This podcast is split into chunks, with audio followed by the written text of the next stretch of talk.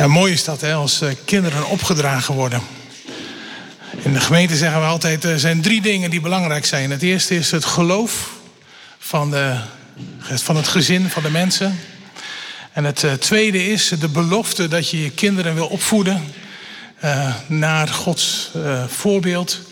Maar de derde is dat je de gemeente vraagt om verantwoordelijkheid en medeverantwoordelijkheid te nemen voor die opvoeding van die kinderen. En juist vandaag, juist in deze tijd is het zo belangrijk. Weet je, de gemeente is als de ark, de ark van Noach. Een veilige plek waar kinderen mogen horen zoals het er eigenlijk bedoeld is. En mooi dat ook veel mensen van jullie de hand hebben opgestoken, hebben gezegd: maar hé, hey, daar wil ik mee verantwoordelijk zijn. Nee, nee, je hoeft niet ouder voor, eh, voor de kinderen te zijn. Maar je mag misschien wel naast die ouders staan. En soms misschien wel kinderen opvangen. Ik moet elke keer denken, mijn kinderen zijn nu allemaal volwassen. Maar wat ben ik blij dat op, af en toe op momenten dat de kinderen niet naar mij wilden luisteren. Dat de broers en zussen in de buurt waren waar ze het vertrouwen in hadden, waar ze naartoe konden gaan. En um, ik moet elke keer denken aan, aan één uh, broeder Tony, uh, een Surinaamse broeder, die, um, uh, die vroeg een paar met aan mijn oudste Gideon: Wat heeft je vader gezegd? En uh, hij was het niet met mij eens, dat was wel duidelijk, zeg maar. Was even weggelopen. Wat heeft je vader gezegd? En toen zei Gideon, nou, dit, dit heeft mijn vader gezegd. Toen zei hij, oké, um, maar ik ga niet anders vertellen als wat je vader heeft gezegd. Ik zeg, maar je mag wel even met me meekomen. Kom maar even bij me thuis en dan gaan we samen wat eten. Gaan we het een beetje gezellig hebben, dan gaan we het erover hebben. Maar ik, uh, ik ga niet tegen de, de, zeg maar, ga niet tegen je vader in. Maar uh, ik wil wel graag er voor je zijn. En ik geloof dat dat de kracht van de gemeente vandaag is. We zijn heel erg geïndividualiseerd. Maar juist dit is het bijzondere van de gemeente als we zo samen zijn. Dat het niet alleen maar iets is van we stellen de kinderen aan God voor. Maar we nemen ook samen als gemeente verantwoordelijkheid. Moest ik even denken, hier wil ik helemaal niet over spreken. Maar moest even van mijn hart af, zeg maar. Ik geloof echt dat dat voor vandaag belangrijk is. Dat we onze kinderen zegenen, maar ook dat we ze veiligheid bieden. Er werd toen straks begonnen met Johannes 3, vers 16 en 17. En daar wil ik eigenlijk, uh, voordat ik mij het woord wil gaan openen, datgene wat ik zelf wil delen, zeg maar, dat, dat komt er eigenlijk mooi uh, van tevoren voor. Dus daar begin ik gewoon weer even. En um, nou, Johannes 3, vers 16 is natuurlijk uh, niet zo moeilijke, zeg maar. Die uh, kunnen we misschien wel allemaal wel een beetje meedreunen. Want zoals zo lief heeft God de wereld gehad... dat hij zijn enige geboren zoon gegeven heeft... opdat een ieder die in hem gelooft niet verloren gaat... maar eeuwig leven hebben. En dan zegt vers 17... want God heeft zijn zoon niet in de wereld gezonden... opdat hij de wereld zou veroordelen... maar opdat de wereld door hem behouden zou worden. En dat is zo'n heerlijke boodschap... dat Jezus niet gekomen is om het vingertje op te wijzen, op te heffen en te zeggen: mensen, jullie doen het allemaal hartstikke fout. Wat maken jullie er toch een puin op van? Nee, Jezus is gekomen niet om te veroordelen, maar om een uitweg te geven. En weet je, als je ergens dat gaat ervaren, dat Jezus niet gekomen is om je terecht te wijzen, maar om je, je in de benen te helpen, och, wat heerlijk gaat dat dan zijn. Nou, en ik heb vandaag, mijn thema is eigenlijk, eh, zijn drie woorden. En dat is, Jezus ziet je. Jezus ziet je. En ik, ik wil eigenlijk met je nadenken over, ja, want het kan ook heel goedkoop zijn. Jezus ziet je. Ja, mooi. Dat is mooi. En dan? Wat, wat heb ik er dan aan? Hè? Wat, wat is dat dan? Wat is dat dan? Nee, maar ik wil ook graag met je stilstaan. Maar, maar wat ziet hij dan? Wat ziet Jezus in jou? Wat ziet Jezus in jou? En dat wil ik doen aan de hand van drie Bijbelse voorbeelden. Uh, mensen die Jezus al wandelende tegenkwam. En uh, waarin hij liet zien. Wat ziet Jezus? Wat ziet Jezus in jou? En terwijl ik daar mee bezig was, zeg maar, er waren twee gedachten die ook gelijk uh, in, mijn, in mijn hoofd schoten. We waren in voorbereiding voor de, de pastorale seminars van opwekking. En een van de gedachten die we, die we hadden was dat je um, in, de, in de sociale media heel, elke keer probeert een mooier voorbeeld van jezelf neer te zetten. Weet je wel, dan maak je een nieuwe profielfoto en een, een nieuwe verhaaltje. En eigenlijk moet het altijd maar beter. Altijd maar mooier. Altijd maar, um, wat is de mooiste kant van mezelf? Misschien zie je jezelf wel. Ik zie mezelf in ieder geval wel. Mijn kinderen zeggen altijd, pa laat mij het nou doen. Want de manier waarop jij die foto's maakt, dat is niet echt aan jou gegeven, zeg maar. We zijn altijd bezig om een betere manier van onszelf um, te, te presenteren. Zo belangrijk vinden we het dat we gezien worden. Want ik geloof dat dat namelijk ten diepste is ons verlangen om gezien of eigenlijk om bevestigd te worden. Te bevestigd te worden in wie we zijn. Eigenlijk zijn we ergens allemaal op zoek naar waarom zijn we hier op aarde gekomen. Het worden steeds grotere vragen die ik je stel, maar um, zijn we op zoek naar wat, wat doe ik eigenlijk hier? Wat, wat, wat makes sense? Waarom, waarom ben ik hier nou eigenlijk? Wat is nou eigenlijk de bedoeling van mij hier op aarde? En uh, veel mensen en ook veel jongeren de, de, laatste tijd die zijn zo aan het zoeken dat ze hun weg kwijtraken. En uh, nou ja, voor de mensen die me een beetje kennen, ik, ik werk nu 30 jaar in de verslavingszorg, zeg maar, die raken bijvoorbeeld hun weg kwijt in gebruik, in verslaving, in afhankelijkheid. Kunnen eigenlijk zichzelf niet meer vinden. Ten diepste zijn ze op zoek, maar misschien, ik zeg wel ze, maar misschien spreek ik wel tegen jou vandaag, ben je op zoek naar betekenisvolle relaties. Relaties die je misschien eigenlijk wel in de gemeente zou kunnen vinden. Mensen die je horen, die niet gelijk met het vingertje omhoog zeggen: Goh, wat ben je daar onchristelijk bezig? Of uh, alle gelijk met Bijbelteksten om je oren slaan. Maar die gewoon je horen, die er voor je zijn. En weet je, dat is waardevol vandaag de dag, want we razen voorbij. We razen voorbij en uh, uh, we missen vaak die, die betekenis aan elkaar geven. De snelheid. En toen we daarmee bezig waren, zeg maar, in die, in die voorbereiding voor, voor opwekking, toen kwamen we uiteindelijk uit, oké, laten we eh, een spreker vragen. En uh, uiteindelijk is Jan Pol heeft daar een, een, een, seminar over gegeven op opwekking. Over dat je, wat is, wat, wat is dan van waarde? Wat betekent eigenlijk uh, dat je bevestigd mag worden in Christus vandaag? Wie, wie mag je zijn in Hem? Hoe ziet Hij jou? En niet hoe presenteer je jou naar buiten toe, maar hoe ziet Hij jou? Want uiteindelijk gaat dat je rust geven. Niet wat de wereld vraagt, want die vraagt elke keer weer wat anders. Daar kun je, word je moe van om elke keer je weer aan te passen. Maar Jezus vraagt je niet om aan te passen. Jezus vraagt je om te volgen. Tweede gedachte was, en misschien ken je dat wel. Ik zal even een paar namen noemen. Um, Ali B. Marco Bossato. Um, Matthijs van Nieuwkerk. Moet ik er nog een paar meer noemen? Mensen die we hebben gecanceld. Ken je dat? Cancelcultuur. De hele wereld zegt dat ze fout zijn. En weet je wat wij doen? We doen met de wereld mee. We zeggen als het ware, we luisteren niet meer naar die muziek. Misschien deed je het van tevoren al niet, maar. Um, of we, we, stoppen er eigenlijk mee. We cancelen. En weet je, wat we, weet je wat het grappige is? In het christendom doen we niet anders. Heb je wel gehoord van die leider die gevallen is? Hij heeft twintig mooie Bijbelse boeken geschreven. Maar toen die viel, hebben we al zijn boeken uit de boekenkast gehaald. Toen was het in één keer geen waarheid meer. Toen klopte dat niet meer. Stel je toch voor dat Jezus zo met mensen om zou gaan. Dat hij zo naar ons zou kijken. Elke keer als we fout zouden gaan, dat hij zou zeggen: Ik, ken, ik cancel jou.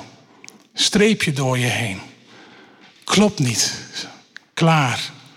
Weet je, dan zouden wij hier uh, niet zitten. Dan zou dat niet kloppen. Maar als, je, als ik het heb over Jezus, ziet je, dan ziet hij op een hele andere manier. En ik ben eigenlijk van mezelf geschrokken hoe gemakkelijk ik meega in die cancelcultuur. Hoe gemakkelijk ik meega en eigenlijk het wel wel weet over die grote leiders die uh, een scheve schaats hebben gereden. En dan woon ik ergens in Oost-Groningen, Winschoten, onbeduidend stadje. En ik vind het net zo belangrijk als, nou, uh, wijs het maar aan, zeg maar. En ik doe net zo hard mee en ik pak die boeken ook uit mijn boekenkast. En ik zeg, nu is dat geen waarheid meer. Ik heb die waarheid gepredikt en in pastoraat gebruikt. En nou zeg ik in één keer, nee, maar ik cancel mee. De wereld heeft gelijk. Maar Jezus kijkt op een hele andere manier. En daar wil ik vandaag met je bij stilstaan. En ik hoop dat het je raakt. Want ergens zoals Jezus kijkt naar anderen, zo kijkt Hij ook naar jou en mij. Eerste persoon. Bekende persoon. Lucas 19 gaat het over. Hij moet in een boom klimmen om de Heer Jezus te zien. Zacchaeus heet hij. Zacchaeus. lees even een stukje voor. Jezus, uh, Lucas 19. Jezus ging Jericho in en trok door de stad. Er was daar een man die Zacchaeus heette. Deze Zacchaeus was hoofdtollenaar en hij was erg rijk. Hij wilde Jezus zien om te weten te komen wat voor iemand het was, maar het lukte hem niet vanwege de menigte, want hij was klein van stuk. Daarom liep hij snel vooruit en klom in een vijgenboom om Jezus te kunnen zien uh, wanneer hij voorbij kwam. Toen Jezus daar langs kwam, keek hij naar boven en zei: Zacchaeus, kom vlug naar beneden, want vandaag moet ik in uw huis verblijven. Zacchaeus kwam meteen naar beneden en ontving Jezus vol vreugde bij zich thuis. Allen die dit zagen, zeiden morren tegen elkaar: Hij is het huis van een zondig mens binnengegaan om onderdak te vinden voor de nacht. Maar Zacchaeus was gaan zitten en zei tegen de heren... luister heren, de helft van mijn bezittingen zal ik aan de armen geven... en als ik iemand iets heb afgepest, zal ik het viervoudig vergoeden. Jezus antwoordde, vandaag is in dit huis redding ten deel gevallen. Want ook deze man is een zoon van Abraham. De mensenzoon is gekomen om te zoeken en te redden wat verloren was. Zacchaeus, klein van stuk. Een hoofdtollenaar. Ik, ik denk het zou een mens kunnen zijn waar aan de ene kant je van denkt, nou daar zou ik liever niet mee omgaan. Maar omdat hij hoofdtollenaar is, kun je misschien wel niet onder hem uit. Je zou hem hier, zomaar hier uh, in Ommen tegen kunnen zijn gekomen. Het is iemand die, waarvan je denkt, ja, noodzakelijk kwaad zeg maar. Je hebt van die mensen in de samenleving waarvan je denkt, ja, ik, uh, liever ga ik er niet mee om. Maar, maar, maar het moet eigenlijk wel, zeg maar. En hij had ook nog zijn postuur niet mee. Dus toen hij Jezus wilde zien, denk ik dat de massa dacht, ik ga extra breed staan. Ik ga echt niet ruimte voor hem maken. Ik geef geen ruimte in mijn hart en laat zeker ook niet fysiek. Laat het zelf maar uitzoeken. Eigenlijk een beetje cancelen. Laat hem maar een beetje gaan. En dat merk je eigenlijk ook, want toen Jezus wel hem zag, toen was de reactie van de menigte was, oh, Jezus gaat bij een zondig mens naar binnen. Kijk nou wat hij doet. En wat is vaak onze eerste reactie? Dat is ons hart. Wat in ons hart, waar ons hart van vol is, daar loopt onze mond van over. Dat is vaak wat we zien en wat we triggeren als we proberen uh, dat te onderzoeken. Wat is dan echt wat diepste van je hart? Nou, kijk maar naar je eerste reactie.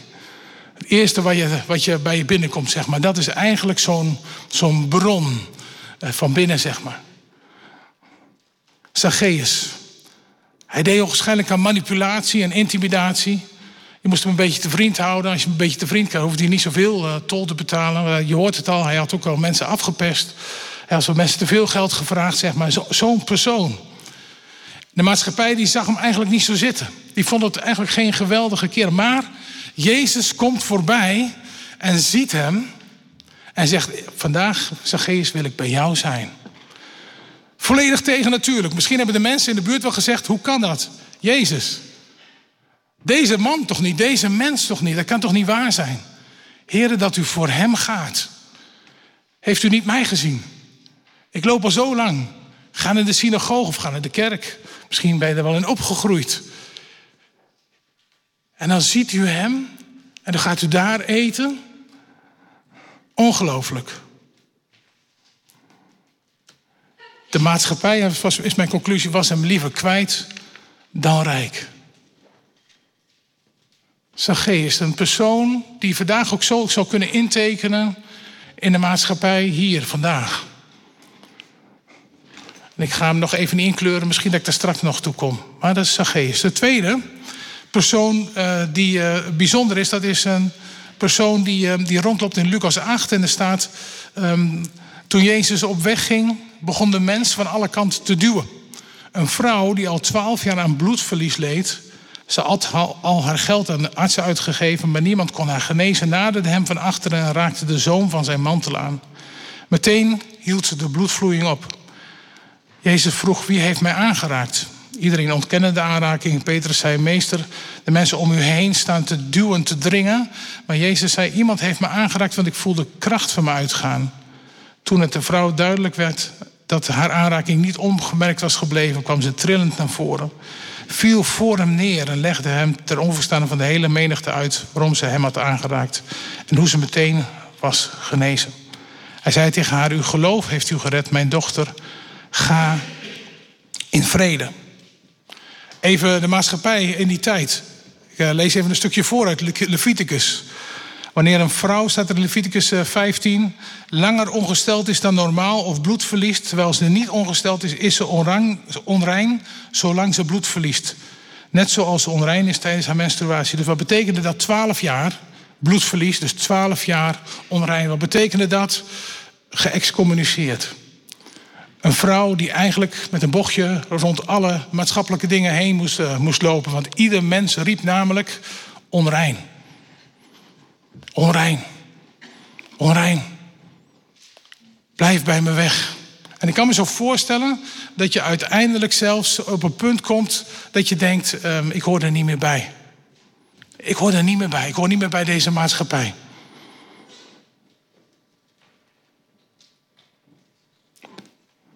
De maatschappij is haar liever kwijt dan rijk. En ik kan me zo voorstellen dat op het moment dat ze naar voren gaat en zegt: Ik heb u aangeraakt, dat mensen tegen elkaar zeggen: hey, Zie je, daar heb je er. Zie je dat? Daar is diegene die uh, uiteindelijk onrein is. En die heeft zich ook nog, die heeft ook nog de Heer Jezus aangeraakt. Hoe durft ze? Het kan toch niet waar zijn? Het kan toch niet kloppen? Het kan toch niet kloppen? En ik kan me zo voorstellen, als je zo lang buiten de maatschappij komt, dat je uiteindelijk misschien wat contact gestoord raakt. Dat je soms wat moeite hebt om te communiceren. Dat je soms wat vereenzaamt. Ik ben in mijn leven al heel wat mensen tegengekomen die uh, ergens op een plek zijn terechtgekomen waar ze niemand meer toestonden. Waar ik door de brievenbus moest gaan communiceren om contact te krijgen. En langdurig moest gaan proberen binnen te komen. Om uiteindelijk in, in, met iemand in ogen te kijken. Zo'n persoon zou dat zo kunnen zijn, die bloedvloeiende vrouw. De maatschappij had zelfs een recht misschien wel. Een recht omdat de, ja, de, de Bijbel zei dat. De Bijbel zegt toch dat, je, dat het onrein is, daar mag ik toch niet aankomen. Misschien ken je dat wel, dat je soms wat bolwerken in je hoofd hebt, of gedachten hebt waarvan je denkt, maar ik heb toch recht om die mensen eigenlijk uit mijn leven te weren. Dat is toch hartstikke logisch. Leviticus was het ware in hun hoofd en in hun hart gegraveerd. En zo keken ze naar die bloedvloeiende vrouw. Maar Jezus, Jezus zag haar. Hij bemerkte haar. Hij merkte haar op. Inderdaad, in die grote uh, menigte. Ik, uh, ik, heb de laatste tijd wat uh, Chosen gekeken. Ik weet niet of je dat kent. De Chosen heeft uh, zeg maar het leven van Jezus opnieuw um, uitgefilmd, zeg maar. Vanuit de personen om hem heen is erg interessant, erg mooi, erg verrijkend om dat zo te zien, zeg maar. En dan, dan zie je een menigte woelen, want iedereen wil wel een glimp van Jezus opvangen. Um, en uiteindelijk dan raakt iemand haar aan. En Petrus zegt inderdaad heel logisch, ja, maar heer, iedereen raakt u aan. Hoe, hoe dan? Er is toch helemaal niks aan de hand, zeg maar. Wie raakt mij aan? Dat is toch een hele rare, impertinente vraag. Maar Jezus had haar op het oog. Hij zag haar. In die menigte wist hij dat zij kracht nodig had en genezing nodig had. En hij gaf dat. Jezus ziet jou. De derde persoon in de Bijbel, wie ik je even naar voren wil brengen, is Bartimaeus. Lucas 18. Toen hij in de buurt van Jericho kwam, zat er langs de weg een blinde te bedelen. Toen de blinde menigte voorbij hoorde komen, vroeg hij wat er, aan, wat er gaande was. En ze zeiden tegen hem, Jezus van Nazareth komt voorbij. Daarop riep de blinde Jezus, zoon van David, heb medelijden met mij. Degene die voorop liepen berispte hen en zeiden dat hij moest zwijgen. Maar hij schreeuwde des te harder, zoon van David, heb medelijden met mij. Jezus bleef staan en zei dat men de blinde bij hem moest brengen. Toen deze voor hem stond, vroeg, hem, vroeg hij hem, wat wilt u dat ik voor u doen zal? De blinde antwoordde, Heere, zorg dat ik kan zien. Jezus zei, zien zult u. U gelooft heeft u gered. Onmiddellijk kon hij zien en hij volgde hem terwijl hij God loofde. Alle mensen die getuigen waren geweest van het voorval brachten hulde aan God. Een blinde. Misschien wel door iemand aan de hand meegenomen, op een bepaalde plek gezet. Misschien wel een hele handige route waar hij een beetje geld kon verdienen en kon bedelen. Ook even weer Leviticus, want die zegt namelijk ook wat over blind zijn. Er staat namelijk niemand met enig gebrek mag als priester aantreden. Niemand die blind is of verlamd. Niemand met een misvormd gelaat en abnormaal ontwikkelde ledematen. Dat was het denken van die tijd. Dat betekende dat mensen keken naar deze mensen als niet volmaakt. Eigenlijk heel normaal denken, zeg maar, in die tijd. En je ziet het ook aan de discipelen, want die zeiden: uh, dimmen. Jezus heeft wel andere dingen te doen. Die heeft wel met andere dingen bezig, kan wel met andere dingen bezig zijn als, uh, als met jou. Maar Bartimeus, hij ging alleen maar meer en harder schreeuwen.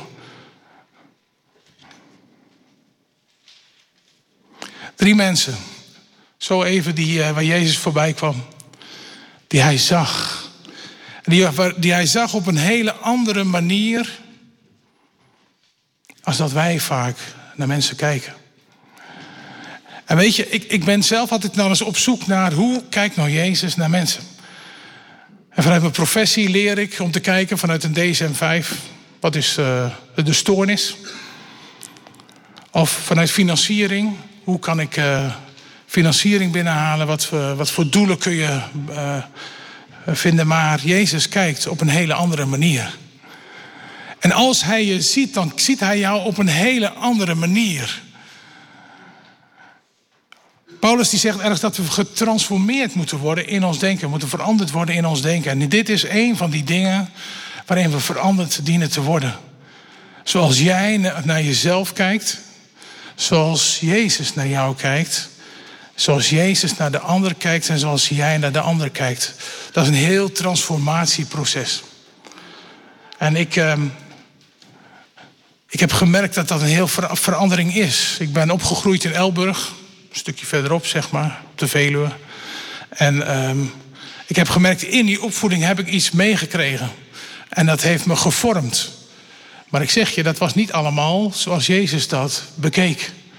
Daar ben ik in de loop van de tijd ook wel achter gekomen dat ik heel wat oude gedachten echt achter heb moeten laten en los heb moeten laten. Eerst heb moeten ontdekken, God, denk ik zo? Klopt dat eigenlijk wel? En het tegen het licht van Jezus moeten houden. En sommige dingen, zoals eh, ook zegt, zijn, waren zelfs bolwerken. Daar was ik stellig van overtuigd. Stellig van overtuigd. Ik dacht, Heer, als dat waar is, dan mag u dat aan mij openbaren. Ik ga niet zomaar overstag. Dat ga ik niet zomaar doen. E-, een van de dingen uh, was uh, dopen. Ik ben opgegroeid in een hervormde kerk. Als kind gedoopt en ik heb beleidenis gedaan. Ik werkte in een opvangcentrum, christelijk opvangcentrum, en we doopten mensen. En ik zei tegen iedereen stellig: Je moet je laten dopen. Maar ik zei tegen mezelf: Maar ik ben al gedoopt. En je kent dat wel, hè? Handelingen tweede staat dan. En wie gelooft en zich laat dopen, zegt ja, ja, maar ik ben al gedoopt. En wie gelooft en zich laat dopen, ja, nee, maar ik, ik ben al gedoopt. Soms kunnen bolwerken zo groot worden totdat God het licht aandeed en die zei: En wie gelooft en zich laat dopen hé, hey, er zit een volgorde in. Als baby kan ik niet geloven. Ik moet het dus vanuit mijn eigen persoonlijke keuzes doen. En dan geloof ik met het opdragen is dat precies hetzelfde. Als ouder heb ik, ik doe dat vanuit mijn eigen persoonlijke keuze. Ik wil vanuit mijn eigen persoonlijke keuze als het ware het kind teruggeven. Zeggen, Heer, dank u wel. Ik heb hem van u gekregen. Ik vond het mooi, eh, Casper, dat je nog even aanhaalde. Want uh, hij stelde als het ware weer voor.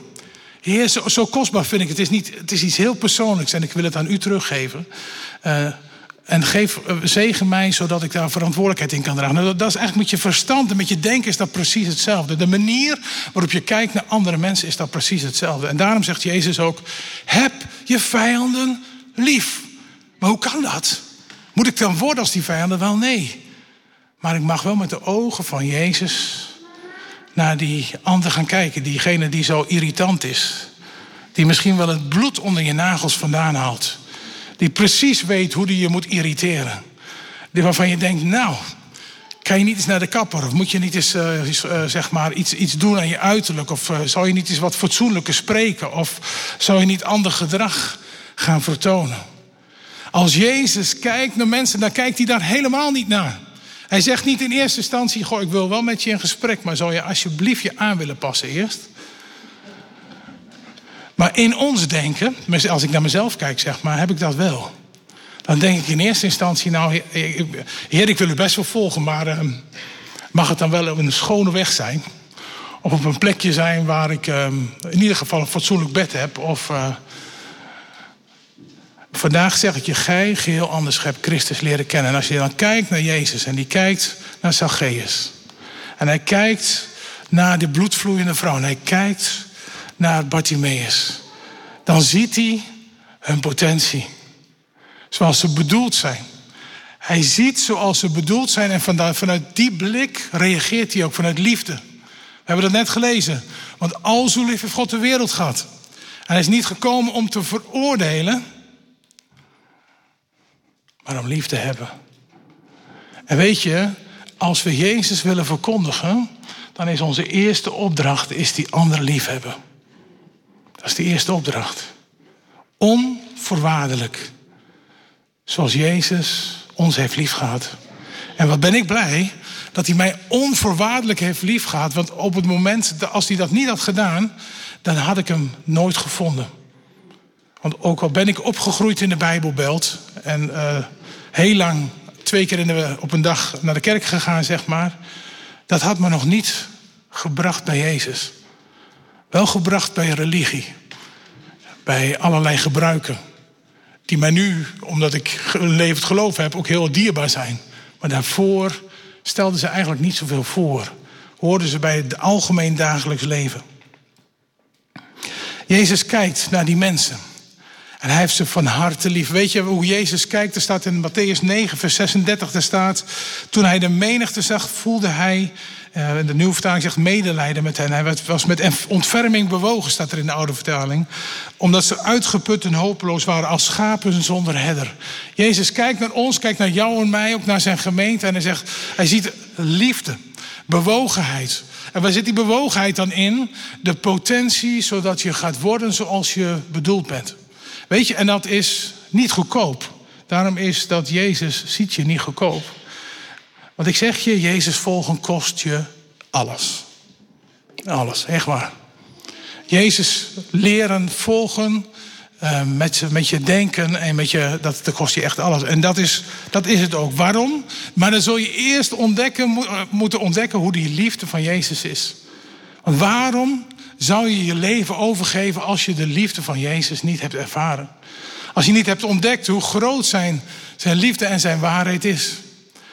als je kijkt naar die mensen, zeg maar twee daarvan, dan zegt Jezus van, je geloof heeft je behouden. Je geloof heeft je behouden. Niet omdat je zo'n mooie praatje hebt. We zijn Westelingen. Wij zijn eh, vaak met onze cognitie bezig, onze redenatiekunst. Daar heeft Jezus geen enkele boodschap aan, kan ik je zeggen. Helemaal niks. Helemaal niks. Trekt hij zich niks van aan. Want Jezus zegt, ik kijk naar je hart. Ik, ik luister niet naar je woorden, maar ik luister naar de woorden van je hart. Ik ben op zoek naar de woorden van hart. Wat is eigenlijk ten diepste Weet je waar ik net over begon? Hè? Die eerste reactie waar we vaak in zijn, zeg maar. Die, wat is eigenlijk ten diepste waar je hart van vol is? Want daar loopt je mond van over. Ik ben op zoek naar je hart. En is dat hart vervuld met liefde voor Jezus? Dan betekent dat dat je ook die liefde door kunt geven aan die ander. Ben je het er altijd met hem eens? Nee, maar moet dat dan? Nee, ook niet. Je hoeft niet met die ander eens te zijn zeg maar, om met hem te kunnen verbinden. Om een betekenisvolle relatie met anderen te hebben. Omdat ik nu wat langer in de hulpverlening zit, loop ik ook wat langer met mensen mee, zeg maar. De eerlijkheid gebied te zeggen, uh, in de loop van de tijd ben ik aardig wat mensen verloren. Spreuken 24 zegt, het zijn mensen die ten dode wankelen. Er zijn twee kansen. Je wankelt ten dood of je wankelt ten leven. Alle twee heb ik meegemaakt. Maar het is dus voor de mensen die dan ten leven zijn gewankeld, betekent het niet dat ze een vlekkeloos leven hebben. Dat ze niet af en toe terugvallen. Dat ze niet ellende weer veroorzaken, zeg maar. Maar ik heb ontdekt dat als je dan geduld hebt, de liefde van Jezus hebt, zeg maar, uiteindelijk komt het goed. Met vallen en opstaan. Soms met uh, hele ernstige gevolgen. Maar het komt goed. En dat is de potentie die Jezus ziet in jou en in mij. Hij ziet vanuit zijn liefde de mogelijkheid om op te staan. Hij kijkt naar die mensen en hij ziet dat ze zijn als schapen zonder herder. Vandaag, het, het christendom van vandaag. We willen graag van Jezus leren, maar we vinden het lastig om onder autoriteit te staan. Het, en dan geven we vaak ook nog de, de reden. Zeggen van ja, maar dat komt omdat al die, al die leiders zo uh, autoritair zijn. Of onvoorspelbaar zijn. Of uh, ja. Ik heb ontdekt, zeg maar, toen ik tot bekering kwam. Ben ik bij een aantal, uh, heb ik een aantal leiders ontvangen waar ik het heel vaak niet mee eens was. Die in mijn irritatiezone zaten, zal ik maar zeggen. Maar ik heb uiteindelijk ontdekt, ik ga daar waar zij Jezus volgen, ga ik ze volgen. En um, oud gezang zegt dat. Heer Jezus, leer mij volgen zonder vragen. Vader, wat u doet is goed. Leer mij slechts het heden dragen met een zacht en een kalm gemoed. Maar de generatie van vandaag vindt dat lastig. Ik vond dat toen ook lastig. Maar het heeft me zoveel zegen opgeleverd. Om onder die veiligheid van die leiders te, te wandelen en geestelijk te groeien. Ik had het niet willen missen. En ik geloof niet dat ik zelf zo ver was gekomen als ik dat niet had toegepast.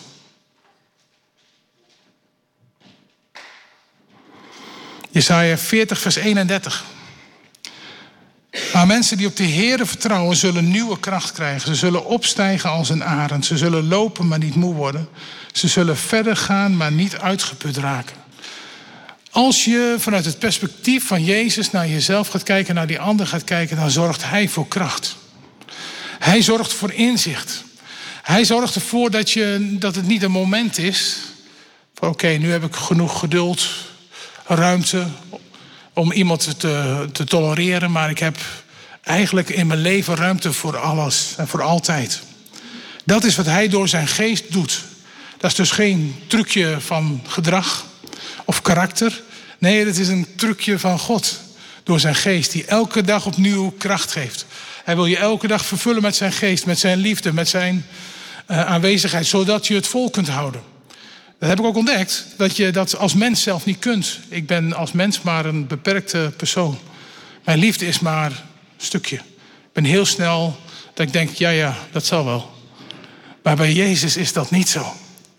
Hij dacht niet, oh, straks blijft hij uh, in de boom zitten. Of misschien gaat hij wel het feit dat, ik, dat hij mij gebruikt heeft, of ontmoet heeft, gaat hij misschien wel gebruiken. Wordt hij nog belangrijker als hoofdtollenaar.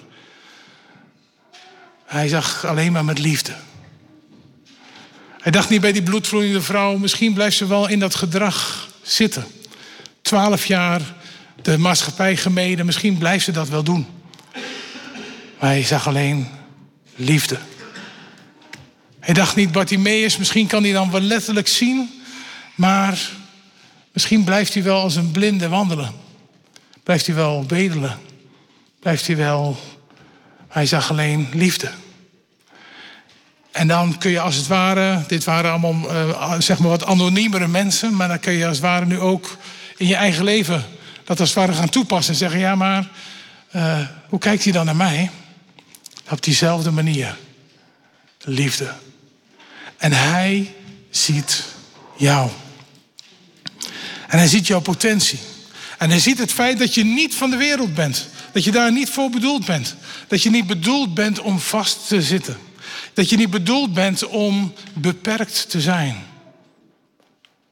Maar dat je bedoeld bent om in afhankelijkheid van Jezus te wandelen. Maar Gerrit, ben ik dan onbeperkt? Ja, geestelijk wel. Maar in het aardse leven niet. Um, ik, uh, vier, weken geleden uh, heb, heb, ik een gastric bypass moeten ondergaan, zeg maar. Ik kan je zeggen, dat is een beperking. Dat is een beperking. Ik heb nog een maag als een kiwi, zeg maar. Dus all you can eat is voorbij, zeg maar, voor mij. Uh, dat is zeker. Dat is het lichamelijke is anders. Maar geestelijk niet. Geestelijk niet. En even voor de duidelijkheid, voordat ik zeg maar een kant op ga die ik niet op wil gaan. God bepaalt. En niet ik. Dus als je het hebt over geestelijke potentie, dan hebben wij toegang tot de hemel. Maar hij bepaalt wat, die, wat ik krijg. En niet ikzelf. Dus even om het maar even te, gelijk uh, recht te zetten. Hij bepaalt of er genezing is of niet. Hij bepaalt of er, uh, of er verandering is in je dagelijkse situatie of niet. Hij bepaalt dat. En op het moment dat wij het evangelie maken tot een humanistische, waarin we eigenlijk zeggen, maar met Christus ben ik eigenlijk in staat tot alles, dan zeg ik ja, maar Hij bepaalt. En ik kan geen voorsprong nemen op wat Hij bepaalt. Als oudste kan ik bidden voor genezing en dat doe ik. En dan zalf ik. Ik zalf overdreven veel, zeg maar. Maar ik heb geen genezing in mijn binnenzak. En ik heb gemerkt dat ik gebeden heb. We waren, mijn vrouw en ik, we zeiden dat tegen elkaar. De laatste keer dat we hier waren, um, een half jaar geleden.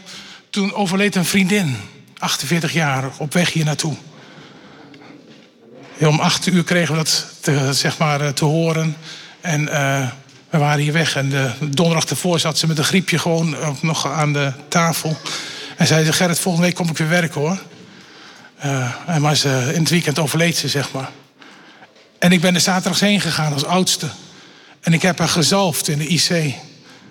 Maar ze is niet genezen. Hij bepaalt. Ja, is hij onze geneesheer? Amen. Amen. Geneest hij altijd? Ja, dat is een beetje hoe je het ziet, zeg maar. Je zou er een mooi geestelijk laagje over kunnen leggen. Ja, want Paulus zegt sterven is gewin. Maar geneest hij altijd in het natuurlijke? Nee. Wonderlijk mysterie is dat. Maar hij bepaalt.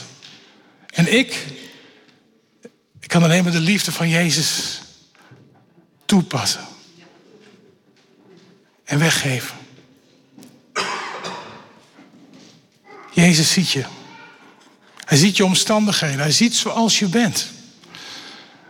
En hij heeft ook gedachten van hel, zegt eh, Jeremia, over jouw leven. En als je dat nog niet toepast, dan zegt hij eigenlijk ook vandaag tegen jou, zoals hij dat zei tegen de bloedvloeiende vrouw en Zacchaeus en, en Bartimaeus, sta op. Word ziende. Word genezen. Ik wil je aanraken. Ik wil je vernieuwen door mijn geest. Want dat is wat hij door het woord en door het evangelie heen tegen ons zegt, elke dag opnieuw als we opstaan. Elke dag opnieuw is dat zijn verlangen. Want hij is niet gekomen om te veroordelen, maar hij is gekomen om lief te hebben. En weet je, dat is het mooiste wat er is. Als je de liefde van Jezus hebt ontdekt. Als je ochtend opstaat, wij, uh, wij zitten op een camping, Sikkenberg, eh, in Oswerre. En vanochtend werden we wakker met de vogeltjes. We kijken uit het raam en we zien vrede, rust. We zien de zon opkomen. We zien van alles gebeuren. En dan denken we, ja heer, dank u wel voor deze nieuwe dag, voor dit, voor dit moment dat u dat geeft. En hij ziet je. En hij ziet je en hij ziet je niet met de gedachte, nou weet je, nu ga ik weer weg, ik laat je, laat je staan of uh, zoek het maar uit. Nee, hij ziet je met de gedachte, met de potentie um, om jou in de benen te helpen. En hij vraagt van jou geloof. Dat vroeg hij van de bloedvloeiende vrouw en dat vroeg hij van Bartimeus. En de Bijbel zegt ook, het geloof heeft je gered. Het geloof heeft je gered. Vandaag zeg ik je ook, als je gelooft in de Heer Jezus, dat gaat je redden. Nou is het interessante, er staat bij twee van de drie staat dat geloof heeft gered. Maar de derde was Zacchaeus. En uh, Zacchaeus, er staat eigenlijk niet zoveel over wat hij dan met zijn geloof doet, zeg maar. Maar daar is wat anders aan de hand, zeg maar. Want als je namelijk kijkt naar de naam Zacchaeus, dan betekent dat rein, zuiver en rechtvaardig. Dus Jezus, of God, die had de potentie in hem al gelegd door het noemen van de naam. En ik weet niet, ouders, hoe dat bij jullie is gegaan. Maar toen wij gingen zoeken, heren, hoe moeten we de kinderen gaan noemen? Toen gaf hij ons een aantal namen. En met die namen zeiden we als het ware in geloof, we geloven dat die woorden, dat die namen ook kracht hebben.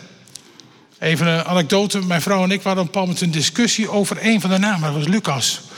Wij, uh, toen hij geboren werd, um, uh, zeg maar vlak voordat hij geboren werd, toen dachten wij dat we hadden afgesproken. Hij gaat heten Nathanael. Dat betekent door God gegeven. En de, de, de kind werd geboren en de huisarts vroeg aan, aan mij als vader: En Gerrit, hoe ga je het noemen? En ik wou zeggen Nathanael en mijn vrouw die aan, die zegt, hoe? die zegt, nee, nee, Lucas. En mijn eerste reactie was niet halleluja. Mijn eerste reactie was, hoe dan? Hallo? Gisteravond hadden we nog iets anders afgesproken. Maar de Heer had heel bewust op haar hart gelegd: noem. En ook in een droom had gezegd: noem het kind Lucas. Nou, betekent Lucas licht. En Nathanael betekent door God gegeven. Dus je snapt al, als echte Nederlander heb ik hem Lucas Nathanael genoemd. Want licht door God gegeven doet gewoon prima. Nog steeds. De, de betekenis is nog steeds hetzelfde, zeg maar. We hebben er wel een beetje een compromis van, van gemaakt uiteindelijk. Maar dat is wat God doet. Hij geeft je een naam. Uh, hij heeft ons en onze kinderen een naam gegeven. Tegelijkertijd, voor anderen, zegt de Bijbel, geeft hij je straks een naam, een nieuwe naam in de hemel. Een belofte. En ik geloof dat, vandaag, dat die belofte, die je, of die, dat die naam die je daar krijgt, zal een weerspiegeling zijn van zoals je hier ook in zijn geloof geleefd hebt. Het is niet zomaar in één keer dat je, dat je in één keer iets heel anders bent, maar hij bevestigt eigenlijk jouw geestelijke identiteit die je gegeven heeft hier. Want zo kijkt hij namelijk naar jou. Hij kijkt jou, en dan ben ik één tekst vergeten, maar die is ook wel erg belangrijk. Dat is um, uit uh, Psalm 139. We, we, we, lezen die vaak, maar als je, de, als je kijkt, dan staat er um, over dat, dat zien. Even kijken waar ik hem heb. Dan ga ik altijd missen. Als ik, hem door, als ik dingen door elkaar ga gooien, dan. Uh...